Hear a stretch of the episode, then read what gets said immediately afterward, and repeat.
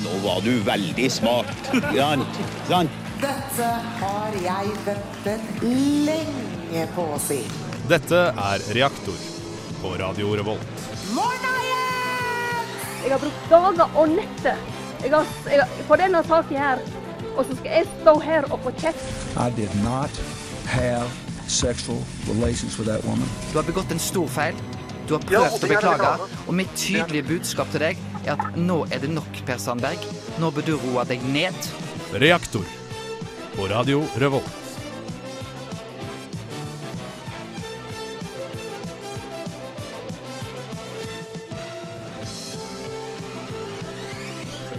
Ja, bare kjør på, egentlig. Uh, ja, hei. Uh, du kan starte med å si hvem du er, og hva du holder på med. Ja, jeg heter Bård Vegard Solhjell. Eh, Jeg eh, er nestleder i SV og sitter på Stortinget. Og nå er jeg i Trondheim eh, fordi jeg driver valgkamp. Det er lokalvalg om noen få uker, 14.9., og jeg prøver å få folk til å stemme, og kanskje særlig stemme SV. Jeg skjønner. ja. Men du bruker Bård og Vegard. Det er ikke Ja. Bård eller Vegard. Det er Bård og Vegard. Det er, okay. det, er, det er en lang historie, men det har med mamma og pappa Det er et slags kompromiss.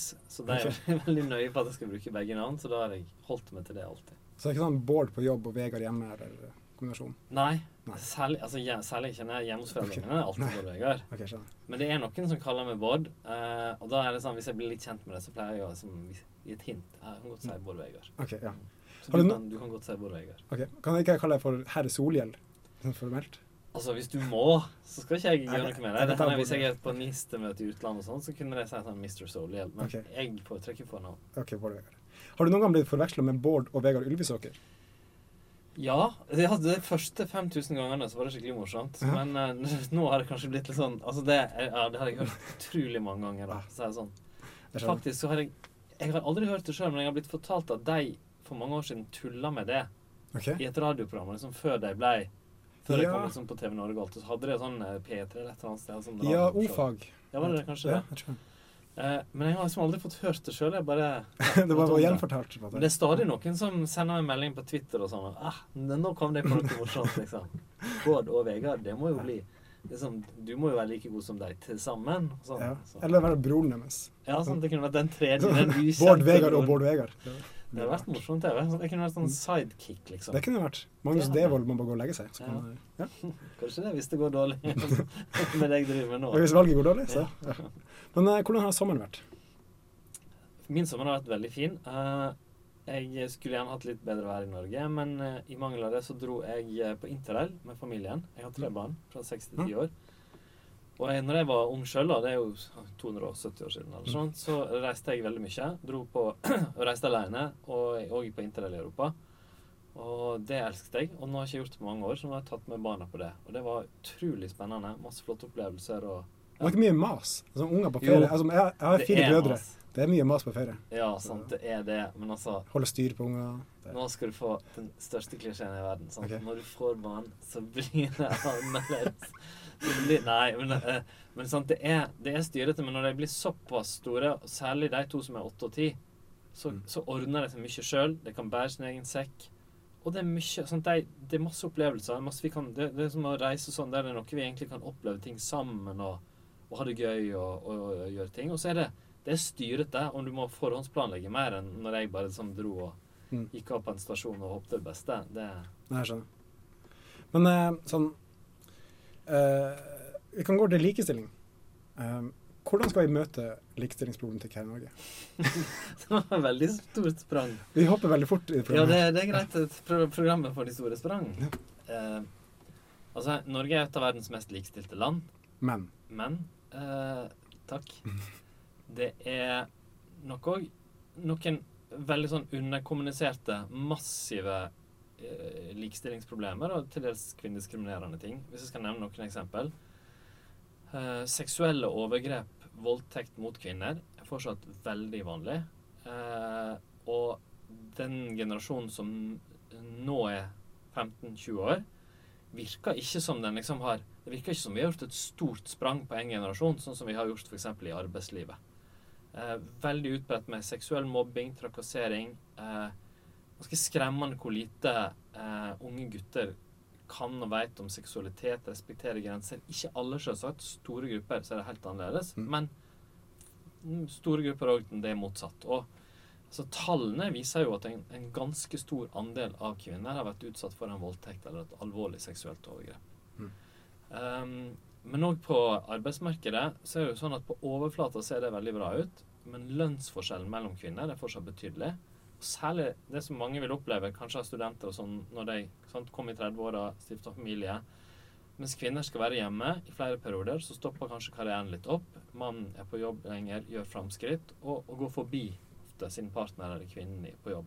Mm. Men derfor er det jo det med, med permisjon, like permisjonsrettigheter, at både menn og kvinner skal ha hjemme, det er viktig for arbeidslivet, og ikke bare for likestillinga hjemme. Apropos likestilling. Vet du om Inge Marte Torkelsen er singel? Hun er ikke det. Hun er gift med eh, en god venn av meg som heter Lars. En veldig okay. kjekk mann for øvrig. Okay. Og Det- eh, det skrant veldig ikke. Snill. Nei, eh, det har ikke jeg inntrykk av. Eh, de eh, bor sammen og lever sammen. Jeg tror de har det, jeg tror de har det veldig bra, Ja. uten at jeg er noen samlivsekspert. Vi får se hvor lenge det varer. Um, tenk, var du interessert? ja, hun var meget nydelig kvinne. Veldig vakker kvinne. Og smart. Og ja, Eh, det Eh, Men aller mest er hun en veldig dyktig politiker, og Mm. brennende engasjert, ikke minst i, i barns rettigheter og, Mm, ikke minst. og uh, hvordan barn skal ha det i Norge.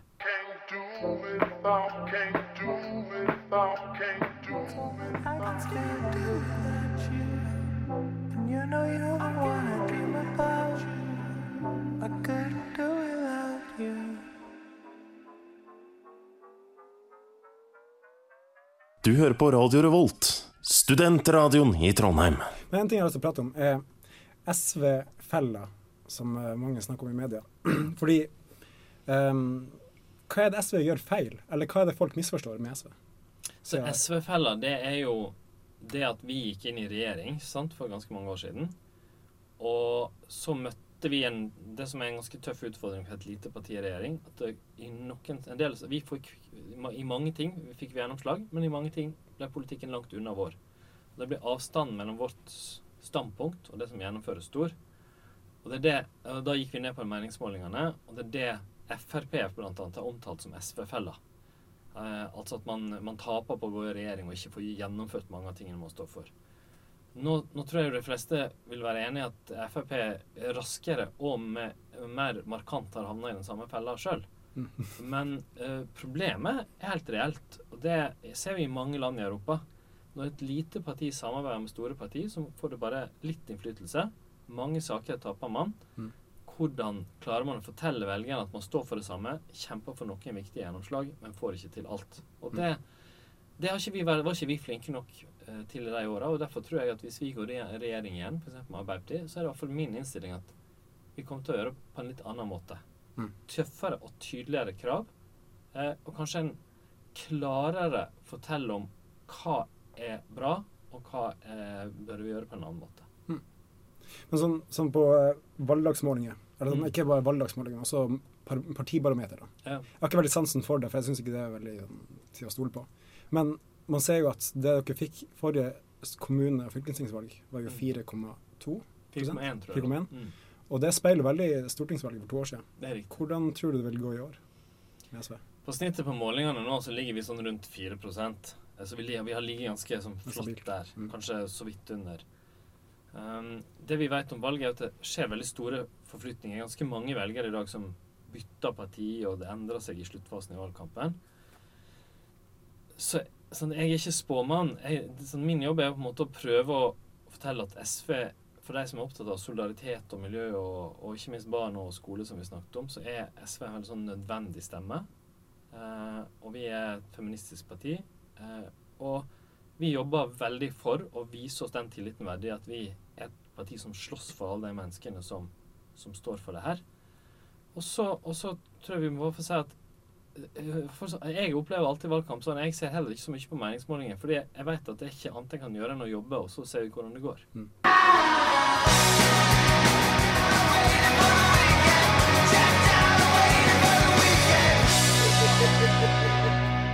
Sånn, jeg har stemt SV i alle år. Eh, Har du det? jeg har faktisk gjort det. Så bra. Men vi fortsetter gjerne med Men i år så har jeg begynt å bli litt usikker. Ja. Hva, hva vil du si for å overtale meg til å stemme SV? Først for jeg spørre deg, hvilke saker er viktigst for deg? Hva bryr du deg mest om? Uh, utdanning, likestilling og arbeidsforhold. Eh, arbeidsliv generelt. da. Mm. Det er det som er mine. Da vil jeg si at SV er det eneste feministiske partiet eh, som er representert på Stortinget i dag. Eh, vi står så systematisk for likestilling, enten det gjelder vold, som vi snakket om i sted, eller i arbeidslivet. Så vil jeg si at eh, eh, vi eh, eh, Ikke bare vi er et utdannings- og skoleparti, men kanskje det er også et parti som tenker liksom helt annerledes om hva utdanning og skole skal være. Det skal Mm. ikke bare være best, best på neste PISA. Nei. Det skal være spørsmål om dannelse, om et helhetlig syn på hva læring er. Og det er ikke bare barne- og ungdomsskolen. Det er yrkesfag, det er høyere utdanning. Eh, og der òg må den bredere tenkninga bestå. For eksempel så har jeg vært veldig kritisk til at universitetene retter seg mer og mer mot, eh, mot å premiere eh, publisering, mot Mm. mot gjennomstrømming istedenfor grunnfinansiering. Og, og at for å si det sånn, det kan være bedre å bruke litt ekstra tid på universitetet hvis du blir der du vil, enn å veldig raskt bli der du egentlig ikke ville, og Mm. som var et feilvalg. Og så eh, Når det gjelder arbeid, så er, så er vi opptatt av at det skal være et solidarisk arbeidsliv, bekjempe sosial dumping, trygge og gode arbeidsvilkår. Så vil jeg kanskje si at det som, sånn, Hvis du, hvis du sier, ser på SV, Ap og MDG Mange står mellom de tre partiene. Mm. SV og Miljøpartiet har ganske lik miljøpolitikk, men skiller også at vi er på venstresida, mens de er et blokkuavhengig parti. For Det er faktisk neste spørsmål. Mm. Hvordan er det å manøvrere seg i et politisk landskap når det er et miljøparti som er, har den kampen? da? Ja, det er et godt spørsmål. fordi uh, vi, er- vi, uh, vi har vært vant til å være miljøparti i Norge. Mm. Nå har det kommet et som til og med kaller seg det. Ja. Og, og jeg tror jeg, jeg har jeg har jo et veldig positivt syn på dem. Eh, de har, altså det er bare detaljer som skiller oss og de i miljøpolitikken, er mitt syn. Mm. Det som skiller oss, er noen litt andre ting. F.eks. synet på familiepolitikk. De er for kontantstøtte mot heldagsskole. Eh, kanskje synet på litt sånn arbeidsliv, sosiale spørsmål. Vi står lenge til venstre. Og at vi, vi er på venstresida, og de er blokkuavhengige. Og så har vi, med Felles med Arbeiderpartiet har vi jo mange ting som du f.eks. sa om arbeidsliv. Det er det jo ingen tvil om. Eh, det som skiller oss tydeligst fra deg, er jo miljø. Men òg spørsmål som flyktningpolitikk, internasjonal solidaritet, eh, innvandringspolitikk, som i hvert fall for meg har blitt et viktigere viktigere spørsmål med den flyktningkrisa vi står midt oppi globalt nå. Men jeg ser på Arbeiderpartiet som et litt smartere Høyre, egentlig. ja, det er godt sagt. Men jeg, altså, jeg føler at det, det er viktige forskjeller mellom Arbeiderpartiet og Høyre på en del felter. Eh, Ta arbeidsliv, da, som, Ja, ja. som du sa var viktig. Mm. Eh, Eller eh, skole- og utdanningspolitikk, offentlig sektor, skattepolitikk. Klare forskjeller. Men det er òg noen temaer, sånn som flyktningspørsmål, sånn som miljø, der jo det ikke alltid er så lett å se forskjellen på Arbeiderpartiet og Høyre. Og derfor er det så viktig at vi har sterke partier som kan dra dem i en annen retning, enten det er SV på venstresida eller f.eks. Venstre, som på høyresida i norsk politikk spiller litt den samme rollen overfor Høyre.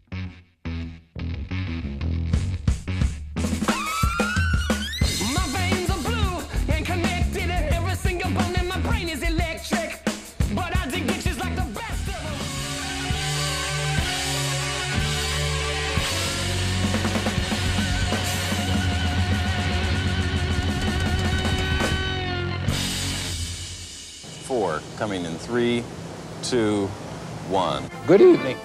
Yeah, we'll talk to you and we'll tell you everything. Well, that's just fine. What am I supposed to do about it standing here? We don't have the clothes yet. I haven't written the clothes yet, mothers. Roy Neal is in Houston with this late report. Even the most elementary of how. Well, that's live television for you. Here we go. This is the last take. the good take. That's it. No more.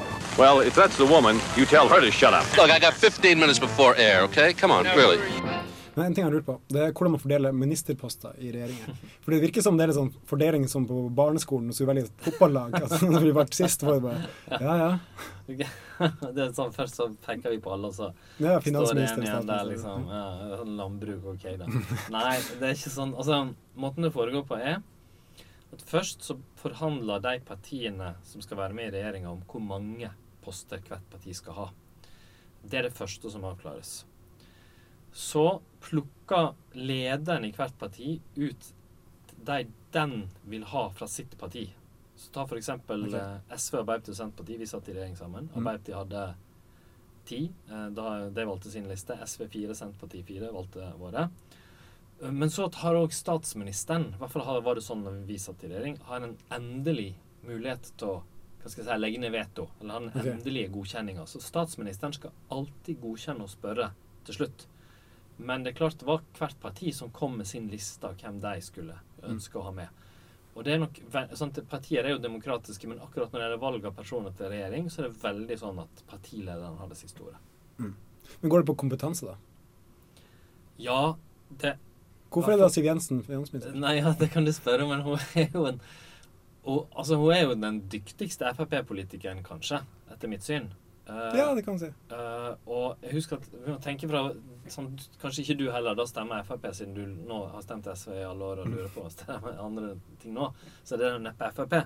Sånn, og da er det litt sånn at vi vi syns jo kanskje deres politikk er håpløs, og mange av oss liker ikke henne. Men fra deres ståsted så er jo hun liksom en kompetent person. Og Det er sant jeg tror man må liksom respekt, jeg òg syns at hun er, en, altså hun er en kompetent politiker. Det, jeg har respekt for henne som, som en dyktig politiker, som jeg er dypt uenig med. Og syns hun til det skal være òg Ja, jeg har en ganske sånn kynisk tilnærming til noen politiske spørsmål. Mm. Men eh, nei, hva er kompetanse? Om folk har greie på det, dyktighet, innsikt i feltet, veier aller tyngst. Men det er òg noen andre hensyn. Et veldig viktig hensyn er f.eks. kjønnsfordeling. At det skal være ja. noenlunde likt mellom kvinner og menn. Mm. Du var miljøvernminister i din tid. Ja, eh, jeg var kunnskapsminister, eller det som før etter utdanningsminister, fra 2007-2009. Og så var jeg miljøvernminister eh, nå for noen år siden, fram til 2013. Ja. Mm. Hvilken kompetanse har du til å verne om miljøet? ja, godt spørsmål. Uh, jeg er jo ikke utdanna på det feltet, f.eks. Det er jeg ikke. Og det, de fleste politikere eh, jobber ikke med et felt de liksom er utdanna spesielt til. Men jeg har jobba mye med miljø, miljøpolitikk. I, eh, mitt politiske engasjement har vært mye knytta til det helt siden jeg eh, ble medlem i SU i 1989. Eh, i Oi, tid. da ble jeg født. Ja, sant. Sånn kan det gå.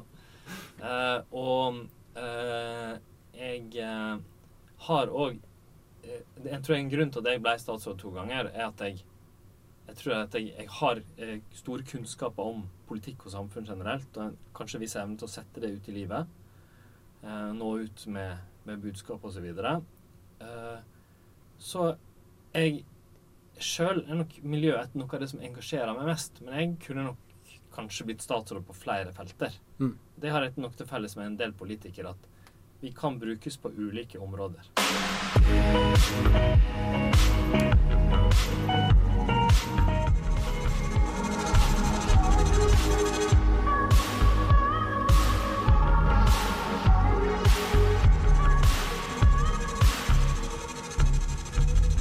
Men apropos 1989. Det var det året dere fikk høyest oppslutning på stortingsvalget. Nei, det tror jeg var- under SV. Det tror jeg var 2001. Var det det? Ja. Nei, det var 10,1 i 1989. Ja, og så var det 12,5 i 2001. Det var så mye! Men det, er likevel en god uh, andreplass. Ja. jeg tror det kan stemme. Det var, vi, vi gjorde et brakvalg da. Det husker jeg veldig godt. faktisk. Men er det lenge igjen til vi ser SV der oppe? Det blir i hvert fall ikke nå i lokalvalget. Det er ingen realisme at vi skal få sånne tall. Mm. Men tre ganger i historien så har vi klart å få sånn over 10% i stortingsvalg, og flere ganger i lokalvalg. Mm. Så det, det viser jeg jo at vi er et parti som på vårt beste da, kan nå ut til mange mennesker og oppleves som viktige. Og vi har hatt eh, ledere som har vært veldig respektert, eh, som Kristin Halvorsen, Erik Solheim, lenger tilbake enn Hanna Kvanmo osv. Så, videre. så jeg tror vi jeg tror vi kommer til å komme tilbake igjen, men, men kun hvis vi og det budskapet vi har, er viktig nok for folk. Altså vi opplever som en viktig redskap da, for alle de som slåss for skole og solidaritet og miljø. og Mm. Når sto du ansikt til ansikt med sosial ulikhet forrige gang? Eller sist gang? Eh, I dag, egentlig. Ok. Eh, jeg var på Saupstad skole i, her i eh, Trondheim. Mm. som er en skole Jeg tror det er den skolen med høyest minoritetsandel. Det kan stemme. Og ligger i et område der utdanningsnivå og inntektsnivå til foreldrene er betydelig under snittet i Trondheim. Eh, og på den skolen så er SFO-deltakelsen, deltakelsen på skolefritidsordninga, som koster mye her i byen, eh, i Norge for øvrig, og den er mye lavere enn i mange andre bydeler. Og det gjør at ganske mange som burde og kunne vært der, lært språk, utvikla sosiale ferdigheter, lært de faglige aktivitetene der, de får ikke tilgang til det fordi foreldrene har ikke råd. Mens på andre rikere strøk, da, for å si det sånn, skoler i rikere strøk, så går nesten alle på SFO. Det var det siste eksempelet fra i dag. Hva tenker du om det? Jeg tenker at det her er Norge 2015 òg. Altså, historien om Norge er jo et, et veldig rikt land, om at de fleste av oss har det utrolig bra, fantastiske framskritt, men òg at midt oppi det, hvis man vil se, så kan man se sosial ulikhet nesten hver eneste dag. Mm. Og at vi har gjort altså vi har gjort mye med det. F.eks. det jeg er mest stolt over sjøl å ha bidratt til, barnehagereformen. Mange vil ikke huske, husker ikke at det er masse mennesker som ikke har barnehageplass, ikke har råd til det for bare ti år siden.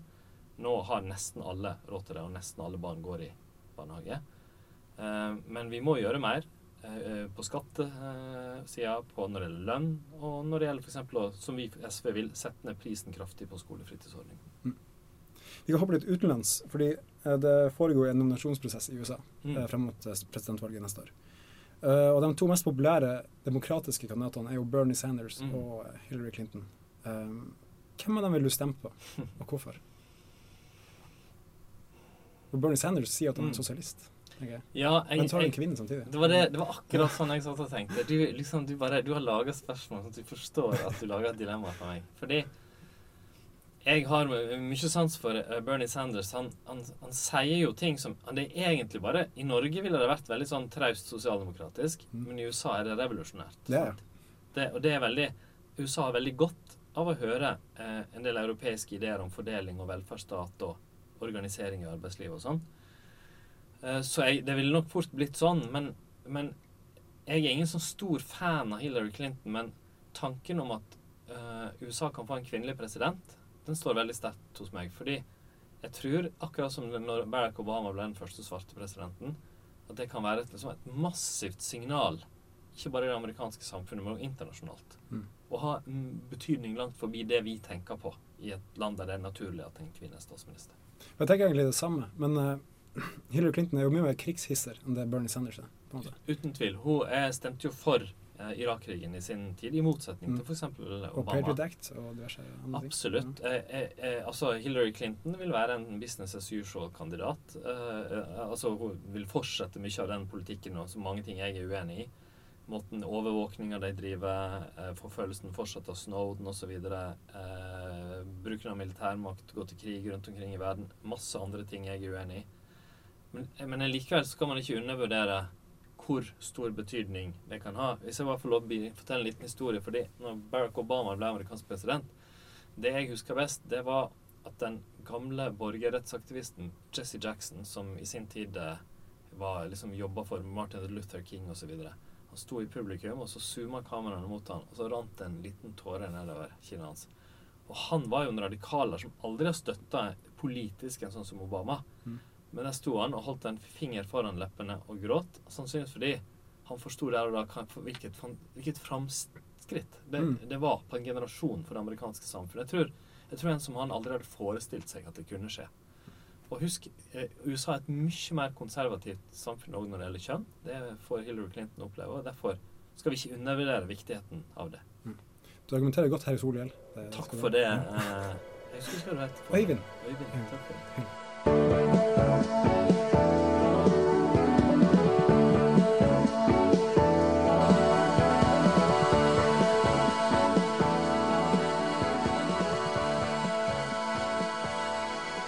Hører på Radio Revolt, studentradioen i Trondheim. Eh, hva syns du om Taylor Swift? Um, jeg har noe imot Taylor Swift, men jeg er ikke en fan. Det er jeg Nei. ikke. Jeg er en guilty pleasure, for er Shake It Off. Den bruker jeg å shake it off til. Jeg, jeg har guilty pleasures, men hun er ikke en av dem. Ja, hvilken guilty pleasure har du? Altså, altså altså, Det er nesten pinlig, men altså, låta 'Hit Me Baby One More Time' av Britney Spears mener jeg er Altså, Hvis den hadde vært spilt inn av en veldig bra artist, liksom David Bowie okay, ja, ja, det. ja, okay. Det hadde vært en kongelåt. Det, det er faktisk sant. altså, jeg, jeg hørte det for meg. Um, men i dag på Dagsnytt så var det en Arbeiderpartipolitiker som snakka om at uh, forbud mot politisk reklame burde revurderes og gås gjennom. Hva syns du om det? Nei, jeg er uenig i det.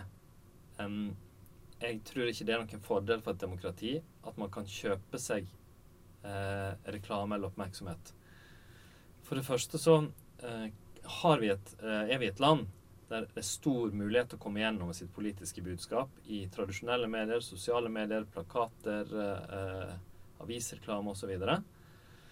Uh, og det, det vi, vi har stor evne til. Det er ikke sånn at vi har en stor mangel i demokratiet. Og så når det gjelder TV-reklame, så er det klart at det skiller seg fra annen reklame at det er dyrt. Uh, og, du, og du kan bruke store summer på det. Og jeg syns ikke det er et mål at hvor mye penger et parti har eller en organisasjon har, skal bety mer for innflytelsen enn det gjør i dag. Mm, det er sant. Men det er også at valgkampen varer lenge nok med at vi skal mase på radio og TV i tillegg. Men- Jeg, jeg syns egentlig òg at valgkampen varer lenge nok. For, det, for, for oss politikere er det faktisk en litt slitsom periode med mye reising og litt, ser litt mindre til barna og sånn enn vanlig. Ja, skjønner jeg. Men jeg tenker at du skulle vært én dag med valgkamp. Altså dagen før valget. Da slipper du dem ut fra buret sitt, og så Men springer da hadde ikke det blitt veldig liksom, sånn, Tenk deg, når du, Nå sa du i sted at du ikke helt har bestemt deg, og sånn, så plutselig våkner du den dagen og ikke tenkt Så må du ta en avgjørelse på en dag. Er ikke det vært litt stressende? Ja, men du følger med i media, da. Hva som skjer og sånne ting. Men bare, ikke valgkamp. Det er ikke lov Ja, vet du hva jeg tror da hadde skjedd da. Da tror jeg det hadde blitt sånn juksevalgkamp. Sånn. Ja. Vi begynner litt før. Vi kaller ikke det valgkamp, vi kaller det bare liksom ja, et eller annet annet. Ja, den PR-byrået som kommer inn. Det er ikke valgkamp. Ja, det er ikke valgkamp. Ja, nei, nei, nei. Og masse jurister sa nei, nei, nei, vi har sjekka det. Ikke valgkamp. Vi bare står på stand. Ja. Men uh, både du og jeg har en fortid fra sosiologien, har jeg eh, funnet ut. Ja, For du har uh, fag der. Jeg har mellomfag i sosiologi. Ja. Det hette mellomfag før. Det var liksom noe som man drev med Det er en bachelor, eller? veldig langt tilbake i tid. Det er, omtrent, det er ikke en bachelor, nei. Okay. Det er Hva er det? Det er Hvor mange studiepoeng er det igjen? Uh, jeg tror det heter 20. Jeg tror det er 60 studiepoeng, kan det stemme? Okay, så årsstudium, på en måte. Et års, det, det er ett og et halvt års studium. Ok, ja. Mm. ja, for jeg leverer master i sosiologi i morgen, faktisk. Så jeg, Wow. jeg er snart ferdig. Gratulerer. Ja, tusen takk for det. Men- Og så sitter du her og er så laid back. Hvis Ah. den da, dagen før jeg leverte min det som heter hovedfaget altså Mm. masteroppgave i statsvitenskap, så var jeg altså, jeg, jeg satt opp hele natta og var helt altså bare, Det var helt Jeg klarte ikke å liksom legge det vekk. Altså, jeg er så drittlei av den oppgaven der at jeg bare tenkte en pause. Men mitt Ja. forslag er at kan ikke jeg og du danne sosiologisk venstreparti en dag? Hvis du går lei av SV? Jo. Ja? Det kan vi gjøre. Det- er jo det- et alternativ, da. det er jo at du blir med i Sosialistisk Venstreparti. Ja. Og så kan vi drive litt sosiologi der. Ja. Så det, husk at det, det er mye sosiologi i både SV og mange andre partier. Ba, bare sånn som det vi snakket om om sosial ulikhet. Sosiologien er kanskje det faget som best bidrar til å forstå eh, Mm. det. Ja. Ja. Hva var dine hovedinteresser i sosiologien da du studerte? Det er ett og et halvt år. Det er riktig. Altså En ting som jeg var opptatt av da, og senere òg har vendt tilbake igjen til, det er liksom sånn hvordan vi mennesker framstår foran andre. Eh, Jeg husker man- jeg leste en bok som gjorde stort inntrykk på meg, heter 'The Presentation of Self in Everyday Life', av en sosiolog som Mm. heter Irving Goffman, tror jeg. Uh, og uh, i dagens Jeg har egentlig blitt mer og mer opptatt av det. Hvordan f.eks. Det, det at vi er så omgitt av sosiale medier, at vi bruker det hele tida, at vi hele tida får signaler og tilbakemeldinger og likes av andre. Hvordan det påvirker hvordan vi sjøl presenterer oss. Mm. Og jeg tror når jeg ser på Du blir styrt av det ja, når jeg ser på liksom, ungdom i dag, som er en god del yngre enn både meg og deg, liksom i liksom, ungdomsskole, videregående alder, så ser jeg jo hvor, hvor mye mer på en måte de blir opptatt av hvordan det framstår i forhold til andre, og hvordan det også, kanskje både karakterpress og, og utseende og kroppspress og andre ting påvirker dem. Det er jo etter noe sosiologien har forska mye på. Mm. Så var jeg òg ganske opptatt av, eh, av eh, sosial ulikhet og sosial ulikhet i utdanningen. Norsk sosiolog som heter Marianne Nordli Hansen, Mm. f.eks. en som har skrevet mye om det, gjort viktig eh, forskning. Johs Hjelbrekke, Universitetet i Bergen. er men hvis dere trenger en kompetent fyr på midlertidig ansettelse, så kan dere ringe meg. Fordi jeg Er det mest sant? Jeg Fordi du har vært mye midlertidig ansatt, eller fordi du har forska på det? Jeg har vært det, og jeg har forsket på det nå også. Ja, så bra. Du har skrevet en master om det? Ja, om uh, sykepleiere i vikariatet. Se her, nå skal jeg legge inn en sånn kort, sånn visittkort, Ja. så kan du sende meg oppgaven din uh, Ja. og en litt sånn resymé i en e-post. Jeg kan skrive om du har artikkel, så er det er lettere å lese. Ja, så bra. Ja, tusen takk. Vær så god. Men da har vi også Sosiologisk eh, Venstreparti på trappen om et par år, kanskje. Ja, et, nå tror jeg fort at SV kommer til å overleve litt lenger. Så jeg tror, altså, jeg tror heller at når du sender den, skal jeg prøve å overtale deg til å bli med i SV. Du sa jo i sted du hadde stemt eh, mange Jeg har til og med stått på liste for SV. faktisk. Ja, men da er det jo Da er det jo. Da er det veien kort. det er sant.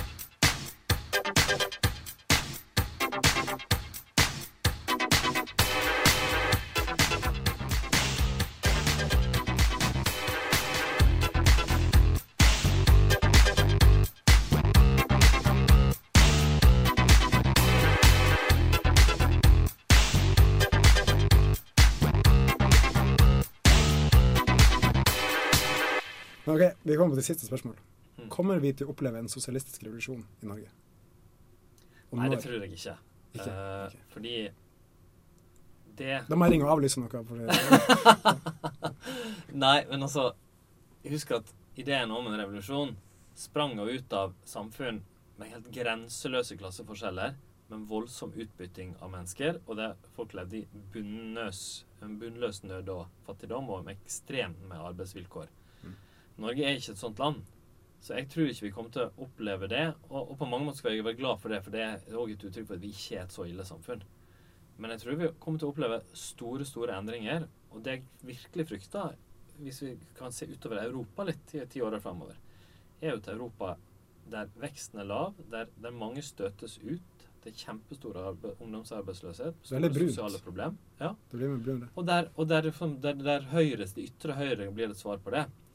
Mm. Og hvordan det, liksom, hvordan, det, hvordan det vil spille ut, det tror jeg fort kan bli sterkere klassekonflikter, mer opprør enn det vi har vært vant til de siste årene i Europa. Tror du vi får en tredje verdenskrig før revolusjonen kommer? Nei, det jeg, tror jeg ikke. Men, uh, men, jeg, eh, men det krever at både jeg og andre politikere jobber for det, og f.eks. ikke blir for krigshysteriske.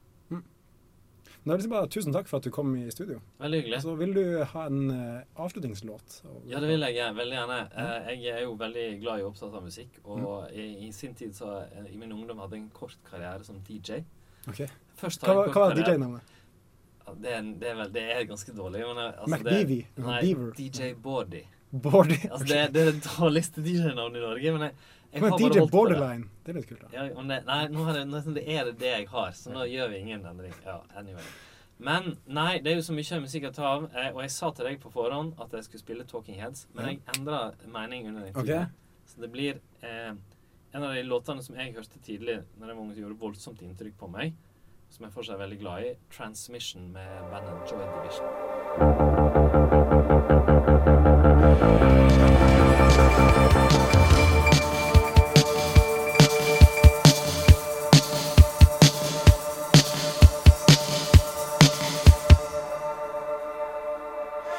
Du hører på Radio Revolt, studentradioen i Trondheim.